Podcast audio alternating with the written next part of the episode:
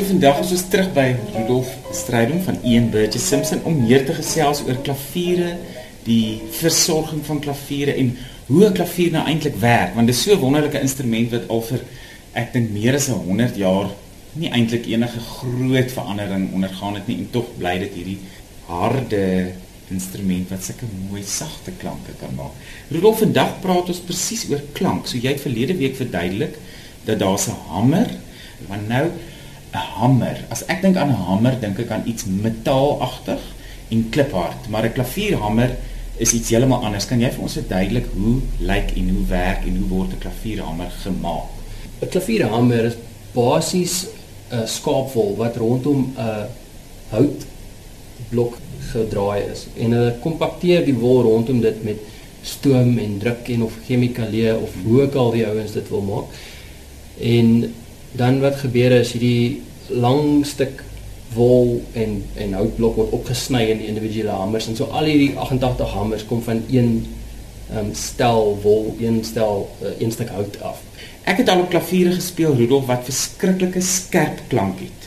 En baie klaviere het 'n baie ronde, warm, maar meer dowwe klank. So in my opinie, jy weet, soveel pianiste, soveel smake, nê? Nee? Die een hou van hierdie klavier, die ander hou van daai klavier.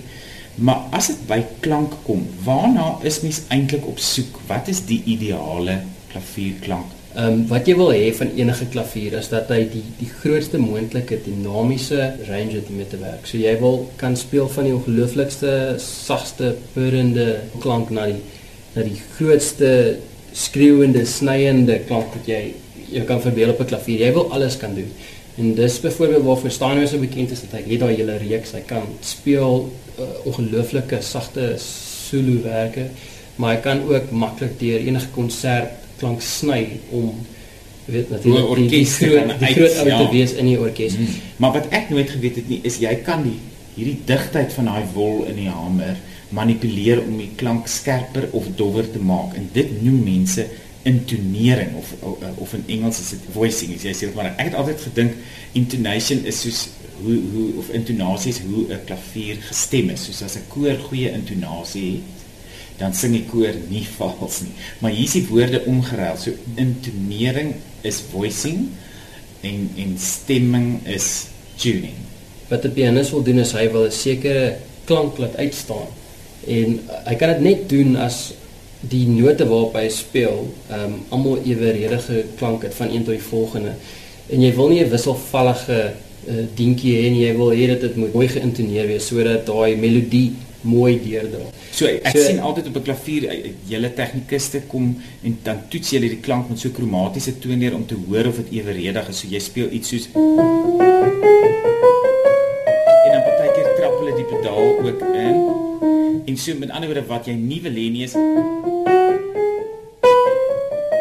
daar seker note is wat harder is as die ander, hè? So jy jy werk met die die hamer digtheid om seker te maak dat jy kry 'n soort van 'n eweredigheid deur die klavier. Nou kan jy vir ons op 'n maklike manier verduidelik hoe manipuleer mense hoe verstel mense die digtheid in hierdie hamer met die wol. So ons het 'n stukkie gereedskap wat jy kan noem 'n intonering hamer. Dit is 'n klein handvatsel met naalde in. En wat jy doen is jy sou dit dit gebruik om die hamer te slaan met redelike baie krag. Jy maak jy maak basies spasie in die wol vir die wol om te uh ontspan.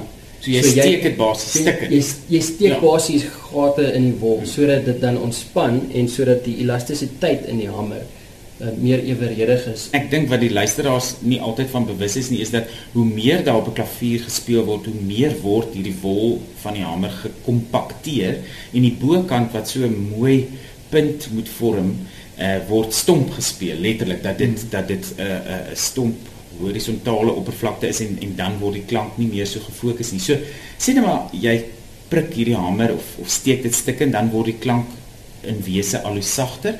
Wat is die teenoorgestelde as jy by 'n klavier kom waar die klank so swak en dof is? Hoe verander mense dan? As ons probeer meer klank in 'n hamer insit behalwe vir die intonering aspek of van is daar ook ehm um, wat ons noem reshaping in Engels, so ons vuil basies deel van die hamer af om 'n om 'n 'n mooi hamerpunt te vorm, maar ook 'n uh, vars veld uh, bloot te stel. So die fatsoen wat so afgespeel is op ou klaviere kan mens weer regmaak Ja. deur op die regte manier die die die fatsoen Ja. te te reshape soos jy nou sê te her Noem dit maar ja, herfatsoeneer. ja. Ons doen dit om om vars vel bloot te stel sodat jy dan bietjie harder en 'n skoner uh, impakpunt het van die ham met die snaar. Die ander metodes besluit ook in om uh, tipe uh, chemiese oplossings in die hamer in te uh, te loop sodat dit dan ook meer regiet raak. So vandag los Rudolf Strydom van Burgess Simpson hopelik weer 'n mite op. So vandag sin is 'n eienaardige vraag Rudolf. As ek nou my geld wen in die lotto, is 'n duurder klavier of 'n bekender klavier wat baie keer ook 'n duurder klavier is in prys, altyd 'n beter klavier? Tipies sou ek sê ja. Jy kry Europese klaviere wat oor die algemeen duurder is. Hulle word van goeie materiaal gemaak, maar die arbeid is ook baie duurder. So dit is 'n deel van die hoër koste. En in terme van die Asiatiese klaviere, groot verskeidenheid. Jy kry natuurlik Chinese klaviere, Koreaanse klaviere, Japaneese klaviere.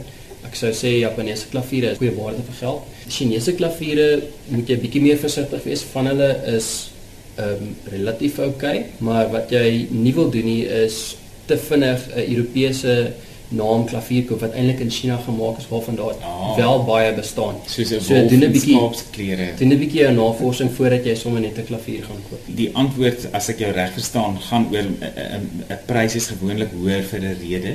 Ja. En veral as dit 'n baie betroubare handelsmerk is, dan weet mens jy jy kry waarvoor jy betaal. Nie net dit nie, maar ook 'n groter klavier kos tipies meer en 'n groter klavier het ehm um, inherently fundamenteel beter klank as 'n kleiner klavier van dieselfde eh, kwaliteit. So weer eens miskien 'n vergelyking tussen klaviere en karre.